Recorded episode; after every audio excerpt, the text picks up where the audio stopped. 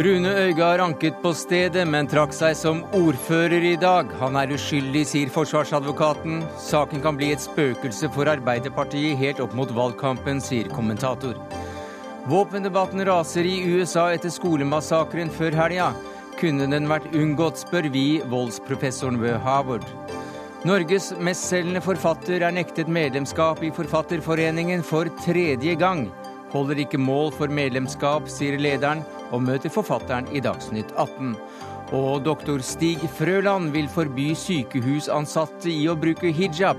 Skremmende holdning av en kjent professor i medisin, svarer KrFU.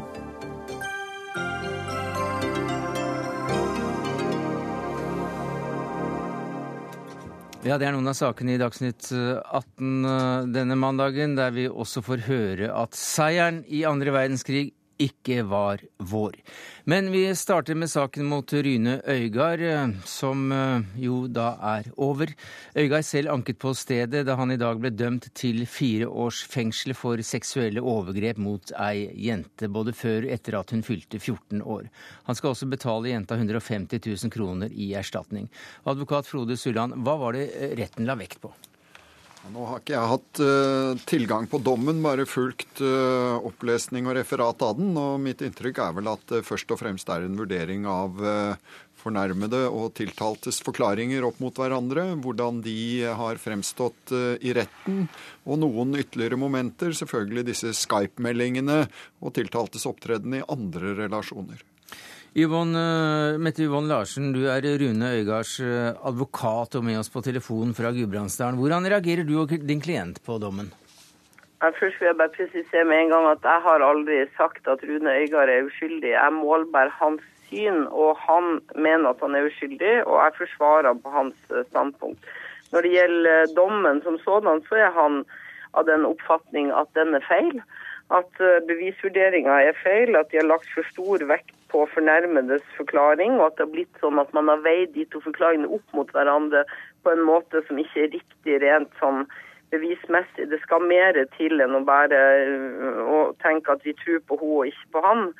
Eh, sånn sett mener vi jo at dommen gir et godt grunnlag for å gå videre. Altså, den er veldig omstendelig og lang, men den har gått igjennom alt som gjør at vi får en, en øh, grei jobb med å gå inn i lagmannsretten der vi mener at tingretten tar feil.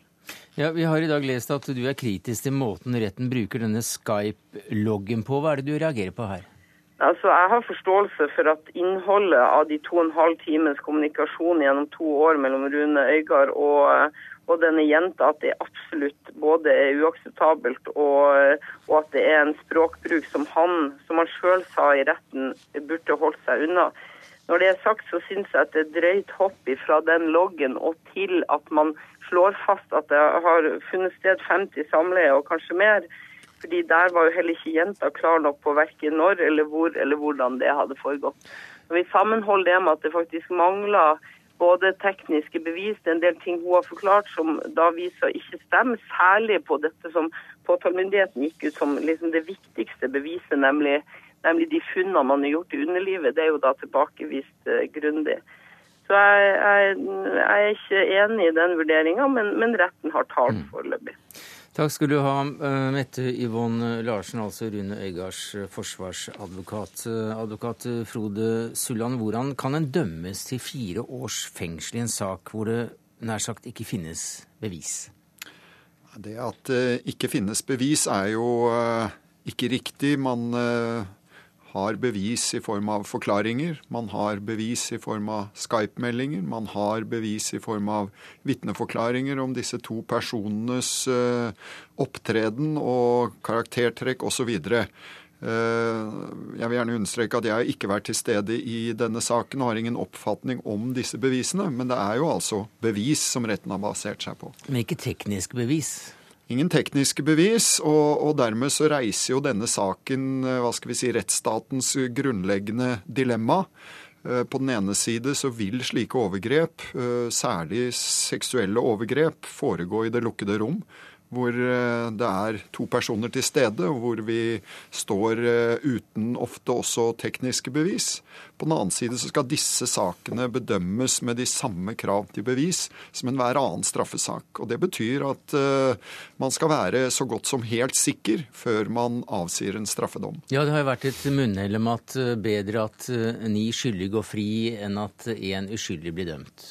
Ja, og det er et, eh, et helt grunnleggende prinsipp i enhver uh, rettsstat, og så også i vår. Og, og, det er jo et svært alvorlig og strengt krav. Det innebærer jo til illustrasjon at uh, hvis ti står tiltalt uh, i en sak, og det er 90 sannsynlighet for hver av dem, så skal alle sammen frifinnes, selv om det skulle innebære at ni skyldige går fri, for å unngå da at den ene uskyldige blir dømt. Men er prinsippet litt under press i slike saker?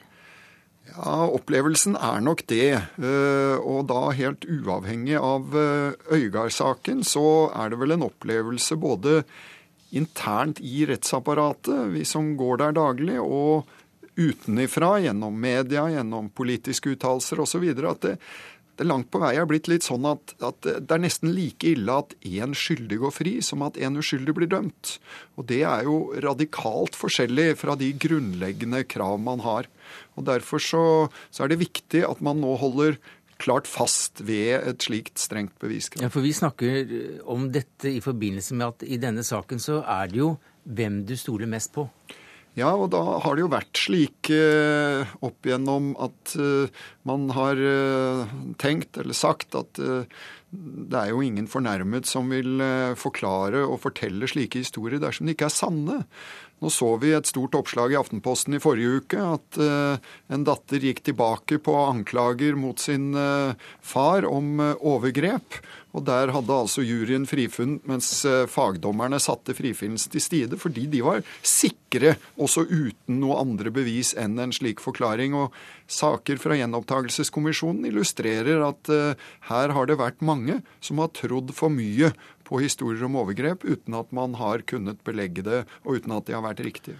Men tilbake til akkurat denne saken. Dommen er på over 100 sider. Hva, hva forteller det deg?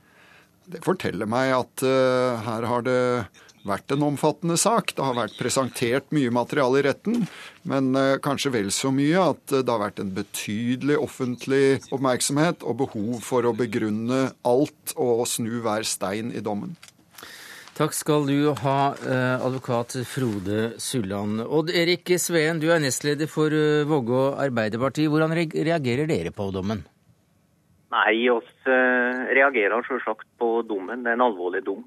Vi tar den innover oss og tar den til etterretning. Det er det? Ja, det er egentlig det. Altså, oss er litt ordknappe i dag. Oss det er en situasjon vi absolutt ikke kunne tenkt oss å komme borti, men som vi da har fått til delt i. Og det er, nei, det er svært alvorlig, det som har kommet fram. Hva betyr dette for lokallaget? For lokallaget betyr det ikke noe annet enn at oss må fortsette vår kamp for å eh, drive politikk for våre lokale saker og for lokalsamfunnet. Men det er klart oss må eh, etter kort begynne å legge veien videre ut av engasjement fra Rune Øygard.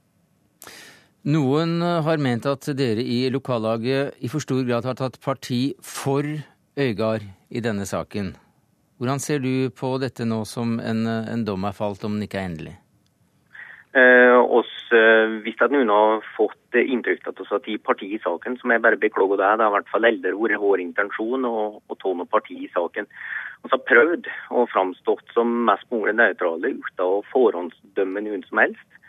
Og jeg har jo registrert at oss da har blitt tatt til inntekt for å ikke ta det på alvor og ikke ta inn over oss den problemstillingen som har vært. Men det er klart at oss har absolutt vært grepet av stundens alvor, og oss har tatt over oss eh, den dommen som nå foreligger.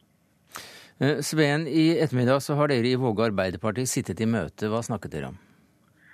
Nei, oss prata litt om eh, løst og fast rundt saken. og så er nødt til å komme i hop og prate litt med hverandre. Få letta oss litt. Grann, og ja, hjelpe annen litt gjennom de eh, første timene etter at det er så alvorlig dom er avsagt. Eh, så må prøve å være støttende og prøve å få det lokale partiet til å fortsatt fungere. Eh, hoved, hovedmålet vårt nå det. Men dommen er ikke rettskraftig, dommen er anket? Dommen er ikke rettskraftig, nei. Det er, det er, rett, det. Og det er klart at alle er uskyldige til det motsatte bevis. Mm. Men, eh, Så hvorfor men, eh, tar dere ikke imot han på samme måte som dere ville gjort i går, da vi hørte deg i, eh, i Dagsrevyen si at en mann som ikke er dømt, må jo ha samme rettigheter? Ja, Nei, og jeg ser, jeg ser at den uttalen jeg kom med i år, den, den kom uheldig ut. Og jeg må bare beklage at, at det ble oppfatta på den måten. Det som var intensjonen min i år, det var det det jeg prøvde å si, da, selv om jeg ikke fikk det til, det var det at uh, folk som er frifunnet, må ha et uh, rom i det norske samfunnet på lik linje med alle andre. Nå har det òg skjedd andre ting i denne saken som er såpass uh, alvorlige at det vil være unaturlig for om Rune å komme att i et politisk virke. Det var ikke med på det innslaget i år, men det ønsker jeg å presisere. Mm. Kjersti Stenseng, du er leder for Oppland Arbeiderparti, og det er eh, deg som partiet sentralt har bestemt at skal kommentere dette. Så hvordan reagerer du da på denne dommen? Nei, Jeg syns det er godt at vi nå endelig har fått en avklaring, i hvert fall foreløpig avklaring i tingretten. Eh, I likhet med de andre som har kommentert det her, så er det en veldig alvorlig eh, og tydelig dom som ble felt over Rune Øygard i dag. Og vi konstaterer jo at han er dømt etter etter eh, aktors eh, påstand. Eh, jeg skal ikke gå inn og begynne å kommentere dommen noe mer utførlig, men, men, det er en veldig alvorlig dom. Men jeg syns det er godt at vi har kommet dit at vi i hvert fall har fått satt et foreløpig punktum i saken. Men hva betyr den da for partiet som du, er, som du er ment å tale for i dag, Øygard, har jo også markert sitt vennskap med Stoltenberg? Ja, oss har jo vært veldig tydelig og sagt at Rune ikke har en plass som ordfører og tillitsverdig i Arbeiderpartiet lenger. Det gjorde oss jo veldig tydelig etter at det kom fram elementer i, under rettssaken som er helt uforenlige med å ha et sentralt verv, eller et verv i Arbeiderpartiet. Det har vi gjentatt i dag. Det hadde vært behov for å gjøre. Oppfordre Rune til nå å trekke seg som ordfører. Han har jo sagt til oss at det vil han gjøre når domsavsigelsen kom. Og jeg er veldig letta over at det skjedde så fort etter domsavsigelsen i dag. Og at for oss, og ikke minst for Vågå Arbeiderparti, så er det òg et punktum at vi oss nå kan eh, gå videre. Gå videre, ja. Men denne saken blir også anket. Eh, ingen vet når den eventuelt kommer opp. Mars-april er nevnt. Den kan kaste skygger over en, over en kommende valgkamp. Hva sier du til det? Ja, det er en veldig alvorlig dom, og det er en veldig alvorlig sak. Og vi vet at vi ikke er ferdig med den ennå. Jeg er veldig glad for at vi fall har kommet noen skritt videre. At Rune i dag har sagt at uh, han ikke uh, vil og skal komme tilbake som ordfører. Uh, det betyr jo at Vågå Arbeiderparti får samla seg og, og, gått videre. Men, men, det er en veldig alvorlig sak, og det er berørte parter mm. som har det veldig vondt og veldig vanskelig nå. Ikke ja. minst den unge jenta. Så, så, det er klart at det er en sak som vil berøre oss i lang tid ja, framover. Det er, jo, det er jo ett offer, slår tingretten fast. og og det er jenta. Eh, hvordan forholder partiet seg til henne nå? Nei, oss har ikke eh, diskutert i dag hvordan oss nå eventuelt skal følge opp saken videre. Eh, det viktigste som har skjedd i dag, er at eh, dommen er avsagt, og at Rune har trukket seg som ordfører. Men Hva er alternativene til en slags oppfølging når det gjelder akkurat partiets forhold til jenta? Nei, Jeg har prata med bistandsadvokaten til jenta, jeg prata med henne fredag, og jeg prata så vidt hun etter domsavsigelsen i dag. Og vi har ikke diskutert om det verken er ønskelig da eller nødvendig med noe spesiell bistand fra partiet. Vi har vært opptatt av å være en nøytral eh, part i saken fram til en domsavsigelse oppsigelse. Vi er opptatt av det nå i tida som kommer, men mm. hvis det er ønskelig og vi kan bistå på noen måte, så vil vi gjøre det. Takk skal du ha, Kjersti Stenseng, leder for Oppland Arbeiderparti, og til deg, Odd Erik Sve, nestleder i Vågå Arbeiderparti. Ja, Rune Øygard ble altså felt for sin manglende evne eller vilje til å se at hans egne bortforklaringer var oppkonstruerte, kunstige og ikke troverdige. Det skriver du i ettermiddag, eh, Anders Giæver, kommentator i Verdens Gang, eller VG. Da. Hva, hva mener du med dette? Jeg mener at uh, dette, i og med at det ikke fantes noen fysiske bevis her, så ble dette da en sak hvor en kamp om troverdigheten mellom da en jente på 17 år og, og en mann på 53 det ble helt klart i løpet av uh, rettssaken allerede den første uka at dette var ikke noe, noe, noe omsorgs... Uh, han hadde ikke en omsorgsrolle overfor henne. Han var ikke noen farsfigur overfor henne, slik han prøvde å fremstille. Det var et helt annet type forhold. At han ikke evnet å se det. Uh, at han hadde alle mulige rare og til dels vanvittige bortforklaringer på den måten han hadde chattet med henne på Skype, det underminerte hans troverdighet i måten han forklarte seg på. og, og tippet da troverdigheten i denne unge jentas favør, fordi hun ikke ble tatt i, i noen verken løgn eller, eller bortforklaringer eller, eller, noe slikt. Ja, hva, er, hva tror du kjernen er i det dommerne har lagt vekt på? Altså, Kjernen er nok disse Skype-meldingene, som vi også kjørte et lengre utdrag av i, i VG i helgen, og som er, når du enda klarere hører at Eh, dommeren leste dem opp eh, i dommen i dag, er veldig klare seksuell, flørtende eh, prat mellom da en, en, voksen mann og et barn. Så er det også eh, måten han reagerte på da jenta prøvde å bryte ut. Hun fikk seg altså en, en annen kjæreste og, og, prøvde å bryte ut av, av dette forholdet, eller hva vi skal kalle det, som, som de hadde. Da reagerte han med en blanding av raseri og, og fortvilelse og sjalusi. En, en uh, sendte 50, over 50 tekstmeldinger i, i, løpet av en dag, fulgte etter bussen hun satt i og sånn. Det er det også lagt stor vekt på i dommen. Og så er det også lagt uh, vekt på uh, forhold han hadde til to, to, andre voksne kvinner i, delvis i denne perioden, hvor han var sammen med Eh, sammen eh, Nei, hvor dette forholdet med jenta skal ha foregått. Og, og eh, disse kvinnene har forklart seg bak lukkede dører, men det er lagt stor vekt på i dommen at de har forklart mm. seg om han og hans måte å innlede forhold til kvinner og turnere forhold til kvinner med på samme måte som denne unge jenta. Så det blir kjent nå først i dommen? Ja, det er første gang jeg har fått et mm. offentlig innblikk i det. Hege Ulstein, du er kommentator i Dagsavisen. Hva slags sak er dette for Arbeiderpartiet? Det er jo selvfølgelig en helt forferdelig sak eh, for Arbeiderpartiet. Um, det er nok riktig at eh, de er letta over at eh, Rune Øygard trakk seg som ordfører i dag. Men likevel så kommer denne saken opp igjen i april-mai i, i, lagmannsretten. Og i verste fall, hvis Arbeiderpartiet har skikkelig uflaks, så, så, vil jo ikke dom fra lagmannsretten foreligge før over sommerferien. Og da er vi langt inn i stortingsvalgkampen. Ja, hva kan det bety?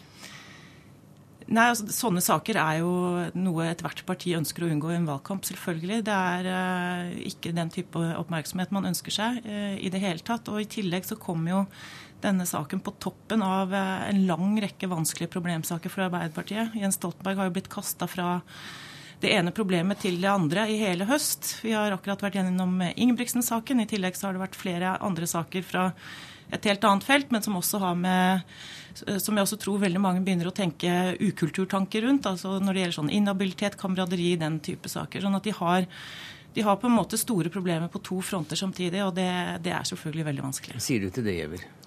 Jo, nei, ja, Jeg vet ikke hvor mye man kan koble akkurat denne saken til de andre kameraderisakene. Det, er, men spør, altså det som var problemet i denne saken her, det var at denne jenta var alene altfor lenge.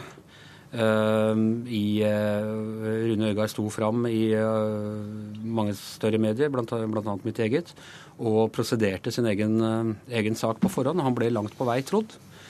Både i lokalmiljøet og i, i landet for øvrig. Der har jenta og, eller bistandsadvokaten gitt uttrykk for at jenta følte seg sviktet, og det er en diskusjon da med Arbeiderpartiet og hva de egentlig kunne gjort der. Arbeiderpartiet mener at de har tatt kontakt og sånn, at det var vanskelig for dem å gå ut og, og støtte henne eh, helt offentlig. Men det er klart at alle, alle sånne saker, og, og, kanskje da særlig i forhold til um, Ingebrigtsen-saken, eh, de, de, er ikke heldige for, for, noe parti, men andre partier har også kommet, eh, kommet gjennom den. Det sier vel ikke egentlig noe om politikken. Mm. i partiet som sådan, men det kan si noe om, om kulturen. Og så vil det være viljen til å rydde opp i i, eh, i den typen uh, ukultur som kan være avgjørende. Ja, hvordan vil eh, fremtiden vurdere Arbeiderpartiets håndtering av jenta i denne saken, Ulstein? Det er litt vanskelig å si, men, men, det som gjør denne saken ekstra vanskelig for Arbeiderpartiet, er jo at Jens Stoltenberg har hatt et veldig tett forhold til Rune Øyga gjennom mange år. Og hans altså Det er helt ufrivillig fra hans side, men likevel så er det sånn at hans person er trukket direkte inn i saken fordi det var i det øyeblikket jenta ikke ønsket å delta på en middag hvor bl.a. Stoltenberg eh, skulle være til stede, at saken sprakk. Det var da hun eh, fortalte foreldrene sine om, eh, om hva som hadde skjedd. I tillegg så er det jo sånn at når, hvis du leser dommen, så, så ser du at eh, dommeren går veldig langt i å si at, eh, at Øygard også burde ha vært tiltalt for, og i så fall antagelig da hadde blitt dømt for misbruk av stilling. Uh, det er han ikke tiltalt for, kan han heller ikke dømmes for, men, men det blir trukket fram som et klart straffeskjerpende element i denne saken, både når det gjelder hvordan han har brukt sin stilling som ordfører, men også hvordan hans nettverk eh, og hans politiske venner, bl.a. nevnes det møte med stortingspresidenten, statsministeren og, og fylkesmannen som konkrete eksempler på hvordan han har brukt sin stilling overfor henne eh, i dommen. Mm. Så, sånn at det er ikke Det er en veldig tøff sak eh, for Arbeiderpartiet. og Eh, det er ikke vanskelig å forstå at bistandsadvokaten til jenta har følt at, eh, at, hun har vært veldig alene veldig mm. lenge etter at denne saken ble rullet opp. Anders Giæver, det kommer altså en, en, sak antagelig da opp for lagmannsretten april-mai, nevnte Ulstein her. Hva slags sak blir det? Blir den like omfattende? Blir det samme beviser som skal legges til grunn, eller? Det vil jo bli nødvendigvis mye, mye av de samme bevisene. Det som er spennende, er jo om Eh, vil, vil Øygard ha samme forsvarer? Vil han ha samme forsvarsstrategi? Eh, er det for sent å, å, å skifte strategi nå? Jeg vil jo tro at eh, troverdigheten til Øygard hadde vært større hvis han i utgangspunktet hadde innrømmet at det var noe galt i dette forholdet. Jeg mener, mm. De Skype-meldingene er misbruk av et barn, selv om det ikke er, er fysisk misbruk. Den måten han prøvde å føyse bort det på, tror jeg ikke, eller er helt åpenbart ikke, ikke tjente ham. Det er det er mulig at han vil eh, presentere sin sak på en, på en annen måte i lagmannsretten. Takk, takk, skal du ha, Anders Giæver, kommentator i VG, Hege Ulstein, kommentator i Dagsavisen. Hør Dagsnytt 18 når du vil, på nettradio eller som podkast.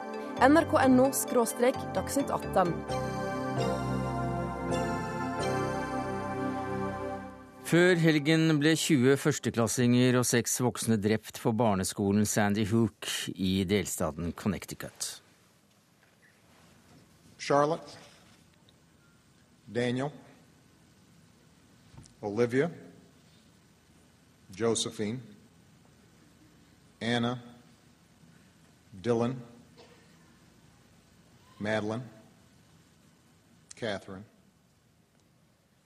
Chase President Obama leste opp navnene på ofrene før han sa at han vil gjøre alt han kan for å hindre en ny massakre. Så det betyr vel at våpenlover blir atskillig strengere, eller hva, Jon Gelius, du følger dette fra Washington?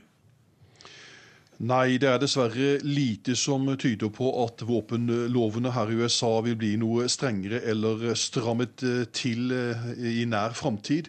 Det er riktignok eh, flere og flere i dag i, land, i, et land i sorg, i et land i ettertanke, i et land med vemod, der to av de yngste ofrene om en halvtimes tid skal begraves.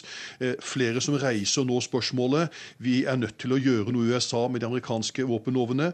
Partifeller av Obama har nå sagt at de vil legge fram et et forslag i Senatet på nyere om å forby enkelte typer halvautomatiske skytevåpen, men så langt er det ikke akkurat noe unison jubel for det forslaget.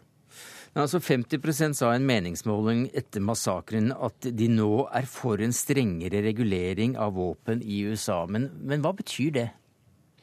Nei, Amerikanerne er eh, splittet i når det gjelder våpen, fordi veldig mange peker på at det er en grunnlovsfestet rettighet å eie et våpen til å kunne forsvare seg selv. Og Dette har man levd med i alle årtier gjennom eh, i dette landet. og Selv når det kommer stadig nye massakrer, så virker det som om den store opinionen ikke beveger seg i standpunkt når det gjelder de grunnlovsrestede rettighetene.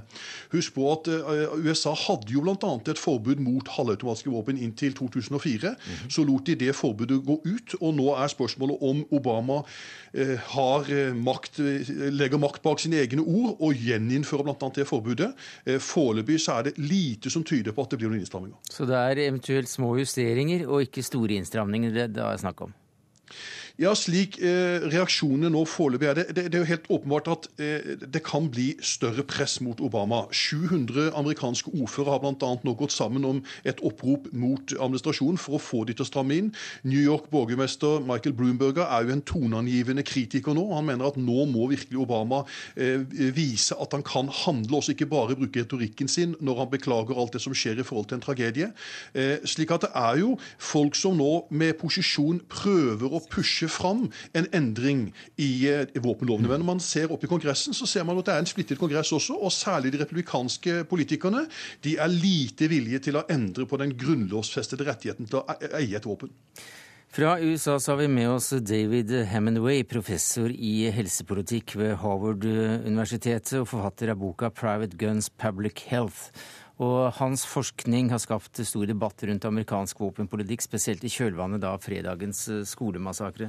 Professor David Hemenway, thank you for joining uh, Dagsnytt 18.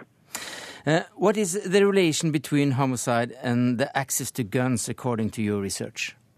Oh, uh, where there's more guns and where there's weaker gun laws, uh, there's lots more homicide, uh, and it's almost exclusively because there's more gun homicide.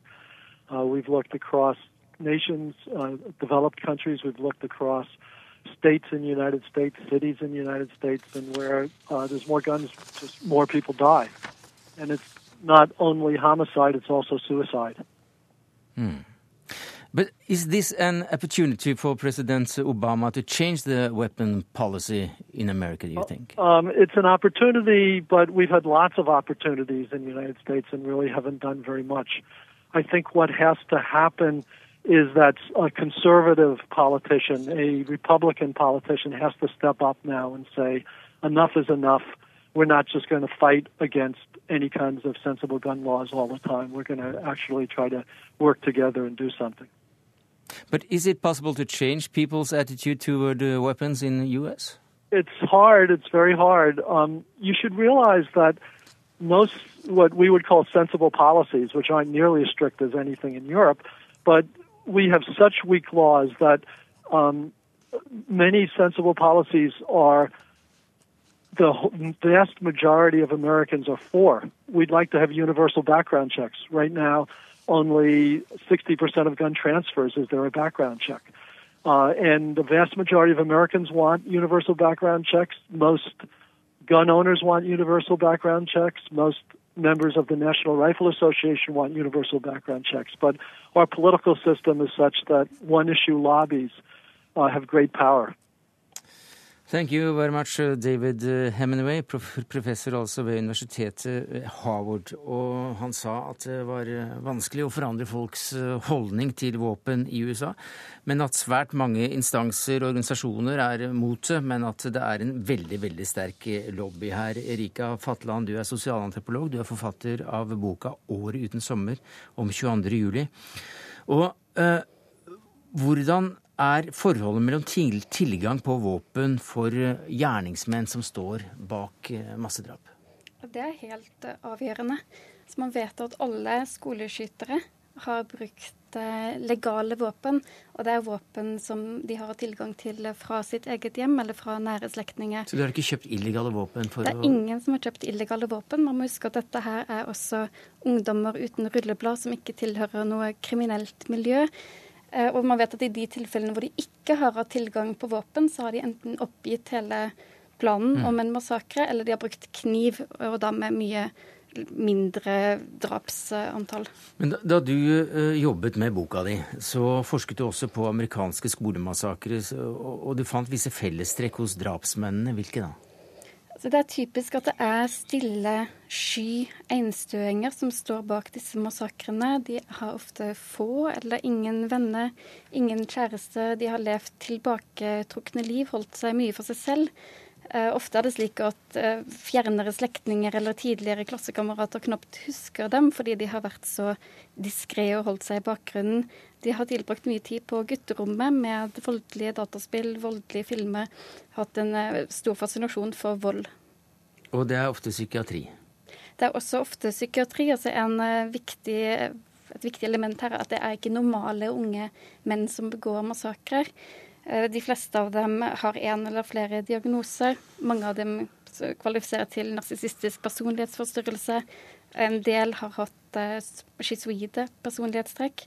Uh, noen av dem har vært traumatiserte, men de fleste har kommet fra flotte middelklassehjem. Men eh, er det da til syvende og sist et forbud eh, mot å, å, bære våpen som sådan, eller bedre psykiatri som er nøkkelen til forebyggelse? Jeg tenker at det er ikke enten-eller, men både og. Men et nærliggende eksempel er massakren i Dunblane i Storbritannia i 1996, hvor eh, en hel skoleklasse med fem-seksåringer ble utslettet av 44 år gamle Thomas Hamilton. Året etter, i 1997, så innførte man et forbud mot eh, håndvåpen i privat eie i Storbritannia. Og etter den tid så har man ikke hatt skoleskytinger i mm. Storbritannia. Eh, Jon Gelius, eh, er du fremdeles med oss? Det er jeg absolutt. Flott. Eh, for nå har vi snakket om våpen. Det var den andre siden vi bare skulle nevne til slutt, nemlig psykiatrien. Eh, hvordan er apparatet rundt for å, for å ivareta de som kan komme helt feil ut her? Nei, det er det jo nå også blitt et mye sterkere fokus på i løpet av helgen. Eh, analytikere her sier at nå må Obama også der gå inn og gjøre konkrete grep for å styrke både psykiatrien, men også sørge for at faktisk talt mentalt syke mennesker ikke klarer å skaffe seg våpen. For det er riktig som dere har snakket om i studio, at veldig mange er, dette er jo privateide våpen. Det finnes jo 300 millioner våpen her i USA. Hvert tredje hjem har jo våpen. Så det er klart at tilgangen til våpen her, som er blitt en stor diskusjon, er jo nettopp også hvem er det som kan gå inn i, i sjappa på hjørnet og kjøpe seg et våpen, og hvilke bakgrunnssjekk gjøres man. Mm. Og så ser man fra delstat til delstat at det er forskjellig oppfølging av psyk psykisk syke mennesker.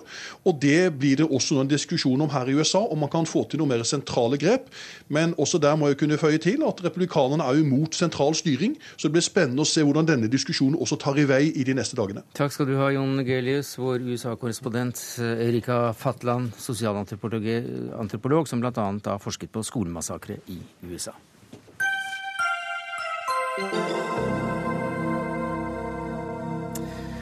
Flere og flere sykehus lar sine ansatte, også leger og sykepleiere, få bruke hijab på jobb. Oslo universitetssykehus lanserte nylig to ulike hijab-varianter, som begge er spesialdesignet, som matcher uniformen, og som kan vaskes på 90 grader.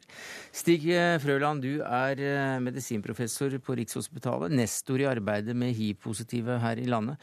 I en kronikk i VG kaller du det å åpne for hijab for ureflektert og perspektivløst. Hva er det som er så problematisk? La meg først få si at uh, mine innvendinger gjelder ikke bare hijab. Det gjelder uh, bruk av religiøse symboler og symboler på livssyn, eventuelt uh, politisk overbevisning, båret til sykehusuniform. Hva er det som er så problematisk? Og, jeg må presisere enda mer. Det er ikke alle profesjoner i sykehus hvor jeg ser dette som et problem. Men først og fremst de profesjonene som direkte har pasientansvar, som er i klinisk mm. arbeid og har ansvar for diagnostikk og behandling. Hva er det som er så problematisk? Eh, bruk av religiøse symboler eh, signaliserer helt klart religiøse synspunkter, religiøs overbevisning. Og det syns ikke jeg hører noe hjemme eh, i det hele tatt i, i pasient-lege-relasjonen. Eh, når det gjelder hijab, så hva er problemene med det? Problemene er at en som bærer en hijab, gir et helt klart og entydig signal om religiøs overbevisning. Hva er det som er så problematisk med det? Det som er problematisk, er at det er et uomtvistelig faktum at i muslimske miljøer, i europeiske land og også i Norge, er det en utbredt skepsis, dyp skepsis, til visse elementer i vestlig livsstil som ikke minst går på seksuell atferd, seksuelle minoriteter, ikke minst homofili.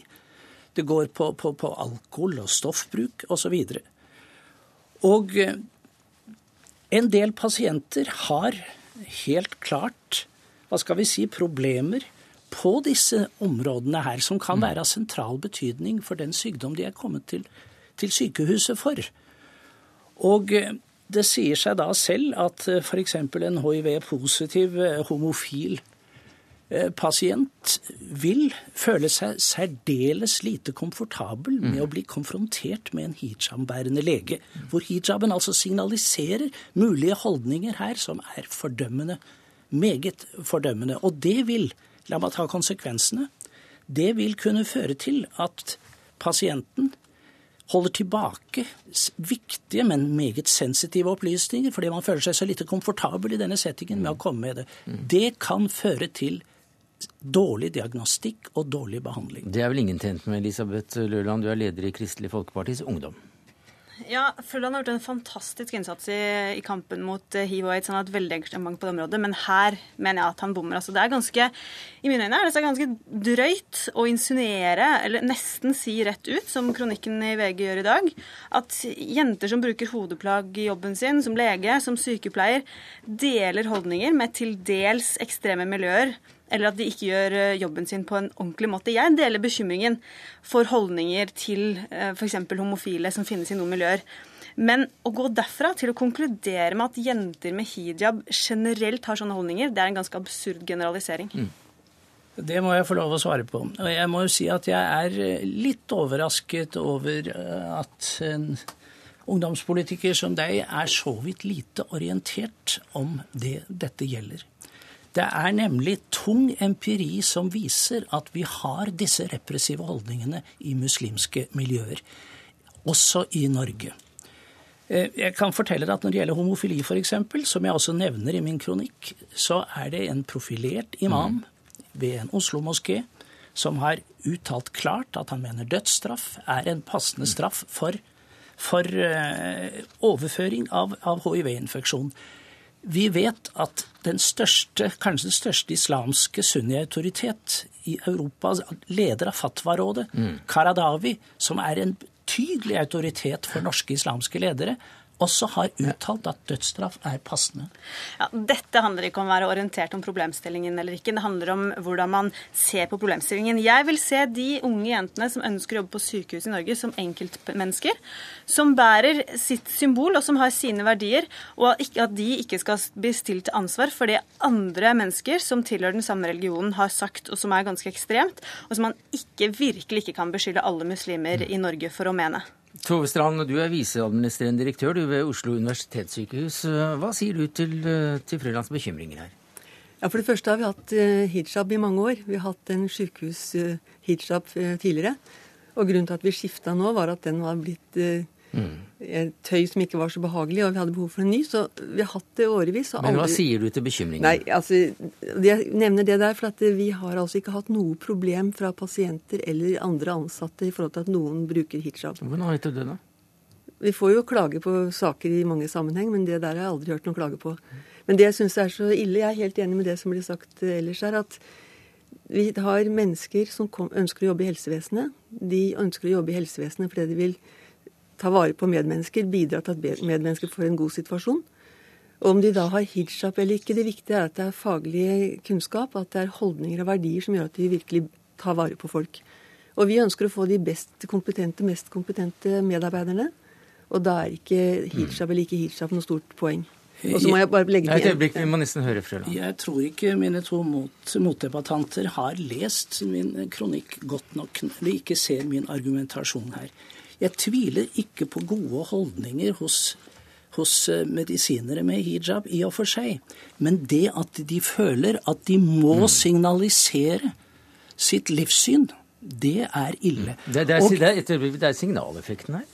Ja, de bærer sin hijab og forteller sin tilhørighet med det. Kan ikke det bety at man holder den mer inne om sin eh, egen legning f.eks. enn eh, det man ville gjort hvis man ikke møttes med et eh, slikt uttrykk? Men husk på at vi har altså pasienter I Oslo er det 27% av befolkningen er innvandrere.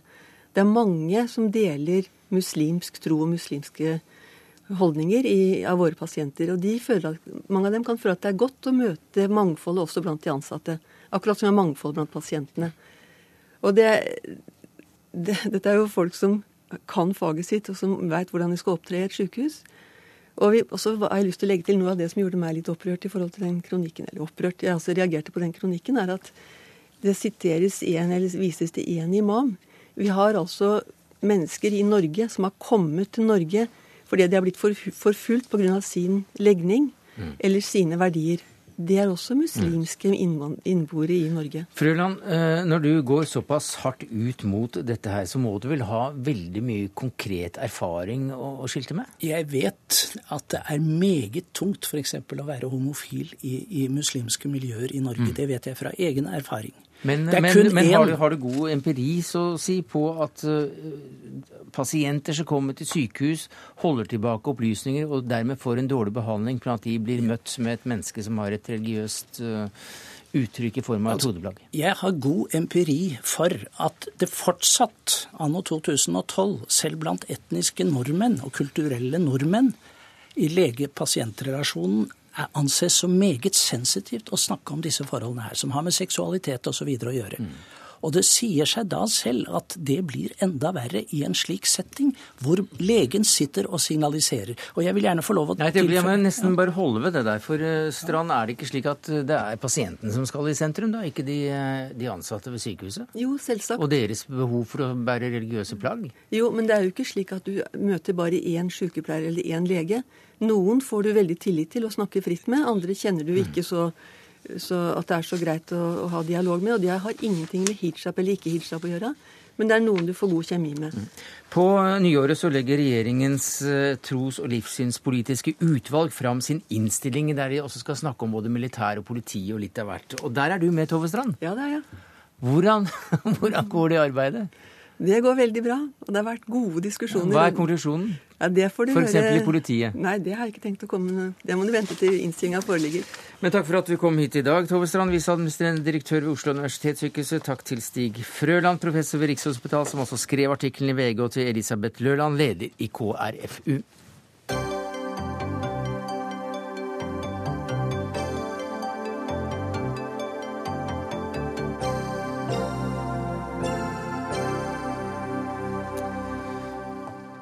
Arvid Bryne, velkommen til Dagsnytt 18.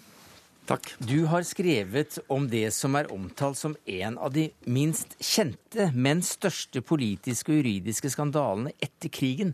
Og det er denne Langeland-saken. Helten fra andre verdenskrig, sjefen for Millarg i Oslo, som ble saksøkt av regjeringen etter krigen. Hva slags historie er dette? Det er en historie som har vært skjult i 60 år. Og, og, det er en helt utrolig historie, fordi at Langeland skrev, hans synd i anførselstegn, var at han skrev to bøker hvor han kritiserte det såkalte Landsvik-oppgjøret. Mm. Han kritiserte at eh, dommene for en stor del var gale, og at de som at veldig mange ble ikke tiltalt, mens andre som ikke skulle være tiltalt, ble tiltalt og dømt. Han, boka solgte, Den første boka, som het 'Dømmerriket', ble solgt i 30 000 eksemplarer og var veldig omtalt.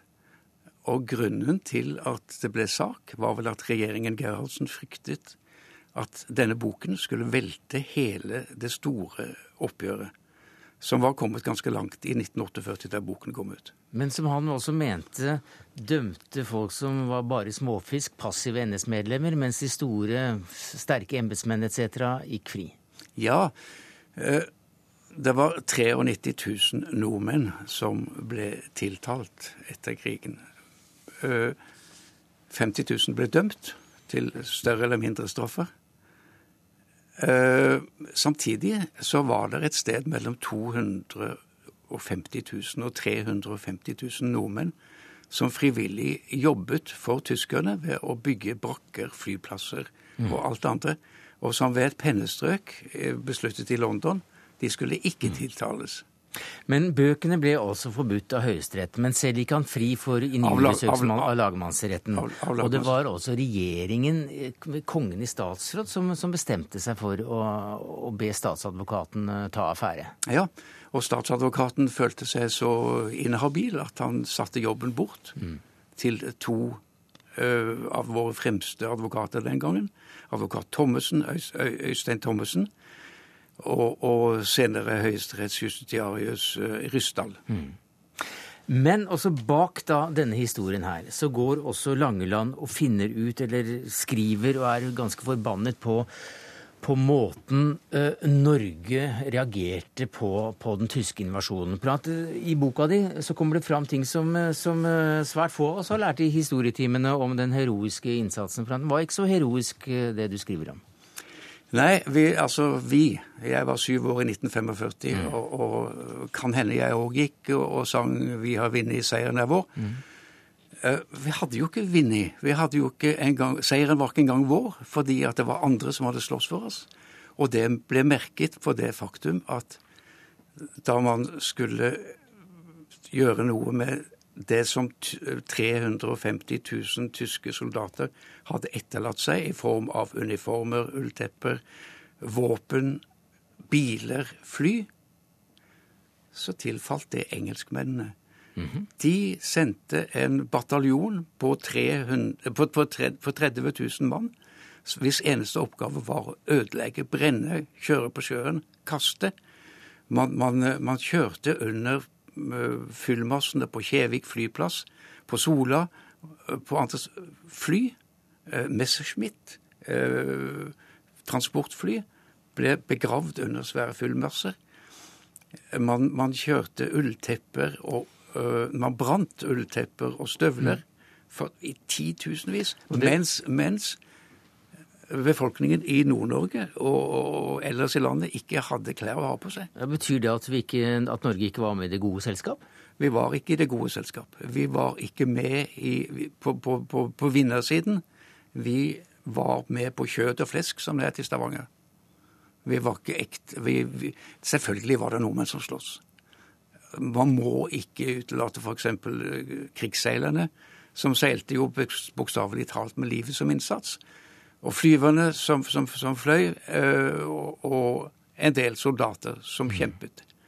Men så ser jeg på norsk etterkrigshistorie, så sto vi frem uh, i stort antall. Og da hadde vi vært helter, men vi var ikke helter før, 19, før 8. mai 1945. Du, du viser til en amerikansk journalist som var et eh, slags øyevitne. Leland Stowe het han. Han kom fra den finske vinterkrigen og kom til Oslo 4.4.1940 og var og bodde på Grang og beskrev eh, det som skjedde før, under og etter. Det var et sånt fryktelig nederlag for uh, norske myndigheter at det tok år å rette det opp, hvis det noensinne ble rettet opp. Det han skrev? Det han skrev. Hva skrev han? Han skrev bl.a. i Life Magazine, som i 1940 hadde et opplag på 15 millioner. Mm. Der skrev han at nordmennene sto og måpte og flirte dumt når, når tyskerne kom inn. Det var ikke en kjeft som, som, løftet en paraply for å jage dem bort en gang, langt mindre et våpen. Han så en håndfull, eller 1800, tyske soldater marsjere inn i Oslo uten at et skudd ble løsnet. Han så nordmenn som flokket seg omkring tyske militærorkester, som spilte uh, flott. Og de sto og smilte fåret, og det skrev han. Og passet på norsk eh, ridende politi? Ja, de ble jo øh, fulgt. Altså, politimester Welhaven sendte 48 mann til fots og til hest for å følge dem inn til Oslo. Og han sa i de avhørene som jeg hadde lest, hvor rettslig avhør, hvor han står i vitneskanken og føler seg ikke tilpass. Han føler seg veldig uvel både han og de andre. Og, og, og han sa at man trengte ikke være idiot for det om det var krig. sånn. Historien til eh, Langeland er kommet fram, for hans egne bøker eh, er jo gjenutgitt nå, da 60 år, eller 58 år, det var to år siden de kom. I etterkant. Men eh, du levner ikke norsk presse mye ære for ikke å ha tatt opp dette her eh, tidligere. Men du var også da den første som faktisk satt og leste rettsreferatene fra denne store rettssalen, eh, store rettssaken i, i 49, eller Ja, i 49. 49. Ja. Hvordan var det å sitte der og lese hva som skjedde? Altså, jeg satt der med knitrende skrivemaskinspapir, gjennomslagspapir, som det het en gang i tiden. Og, og, og og, og, leste hva de sa, hva, hva biskop Berger fortalte, hvorfor han, hvor, hvordan han gikk i Krokskogen med en tysk megafon og ropte til, til, norske soldater at vend om, kom til meg, så skal dere få fritt leide tilbake til Oslo. Han oppfordret dem til å desertere, og det mm. fant retten ut at det var det ført sannhetsbevis for. Eh, samme, det samme ble politimester Welhaven. Han ble, ble dømt, eh, eller han, han ble funnet at beskyldningene som Langeland reiste, var riktige. Alt dette i Krig og sannhet, Langeland-saken og Landsvik-oppgjøret. Takk skal du ha, forfatter Arvid Bryne.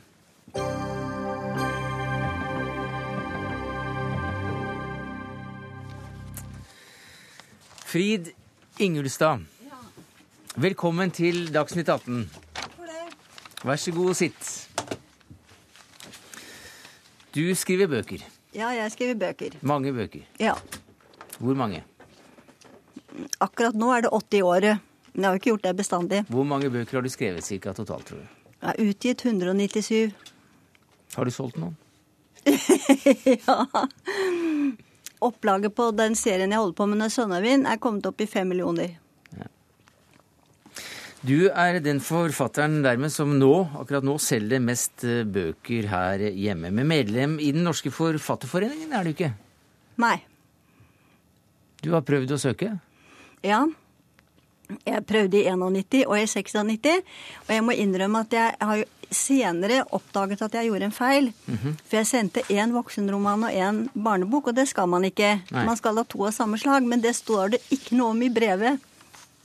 Er det Der der- jeg fikk avslaget. Tror du det er derfor du ikke er medlem? Nei, jeg tror ikke det. Men det kan ha vært en medvirkende årsak. Hvorfor tror du at uh, Forfatterforeningen ikke vil ha deg som medlem, da? Det har jeg lurt på veldig selv. Du kan få svar nå, for Sigmund Løvaasen, du er leder i Den norske forfatterforeningen. Det stemmer. Og vi har jo et uh, system som er på en måte i en slags uh, Laugs-tradisjon. vi kjenner jo det fra ulike håndverk og andre ting, der eh, vi har et eh, inntakskrav. Der det heter nå at eh, en forfatter som har skrevet og publisert verker av litterær verdi, kan bli, kan bli medlem. Så litterær verdi, det er, der, det, det er det det går på?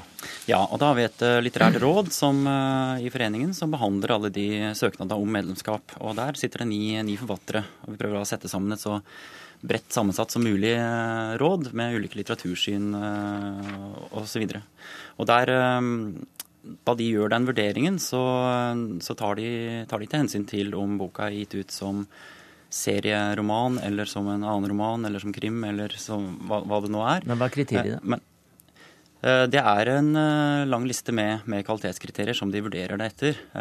Og da må de se helt bort fra salgstall og popularitet, eh, og helt bort fra sjanger, men de gjør da den, den vurderingen. Du skriver ikke godt nok, Fryd Ingulstad.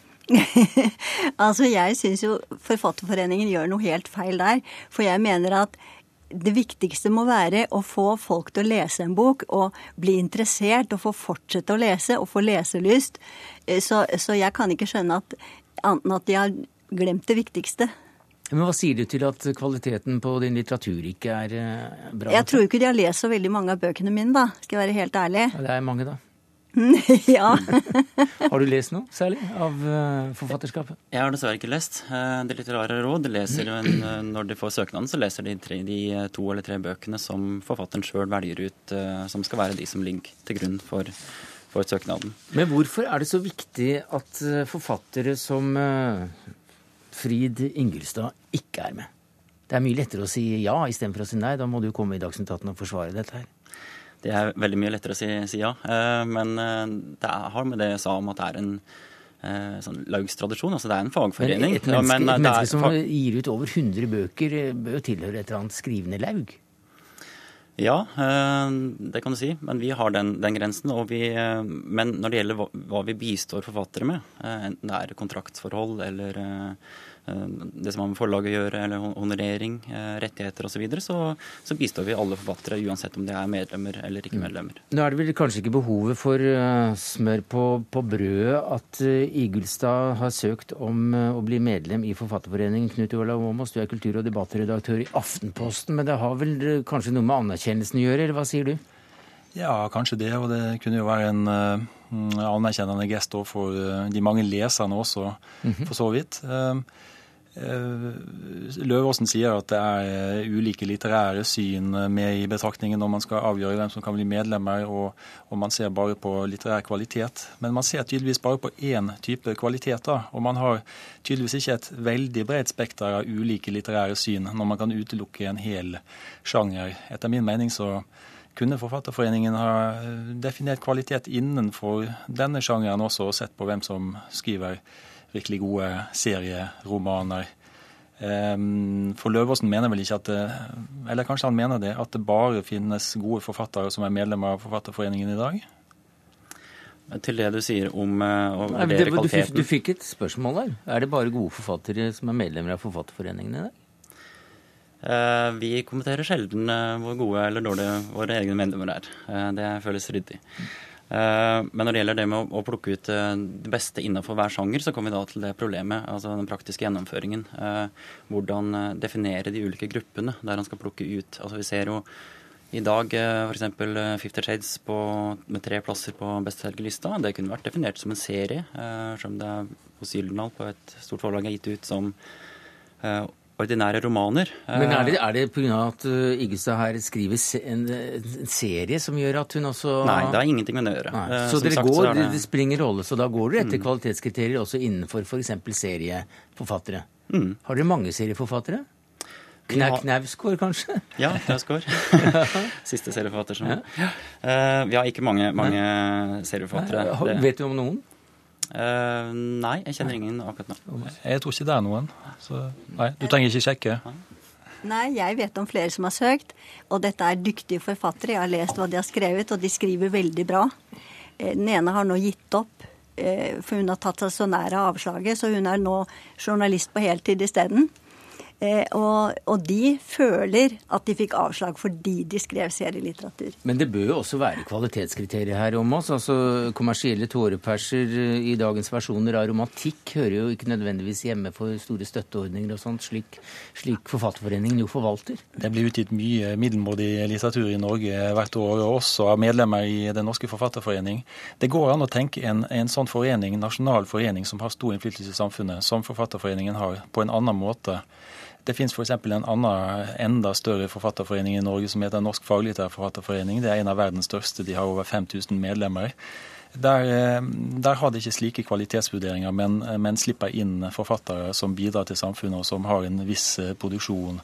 Eh, vi har også andre kunstnerforeninger, som Komponistforeningen, som har åpna seg i de senere år. og ja, jeg er med i Norsk redaktørforening. Der finnes det både gode og dårlige redaktører, men eh, det er en forening som likevel blir tatt seriøst, og som jobber for uh, sine medlemmer. Så, men selvfølgelig, det er opp til eh, Forfatterforeningen sjøl å være eksklusiv og ekskluderende hvis de ønsker det. Men jeg tror de ville fått enda større slagkraft i samfunnet hvis de også tok opp de forfatterne som skriver denne, denne masselitteraturen, og som er mer eller mindre god i sin sjanger. Mm. Men er det altså da økonomi som ligger i bånn her? Dere forvalter jo en god del eh, penger eh, som dere da eh, gir til deres medlemmer i stipendordninger etc. Det er åpent for også ikke-medlemmer å søke. Ja, Men eh, det går vel mye til medlemmene, da? Ja, det er mange, mange av de som er eh, blant stipendene. Men har, har, dette her med, med politikk å gjøre, eller eh, har det med kvalitet å gjøre?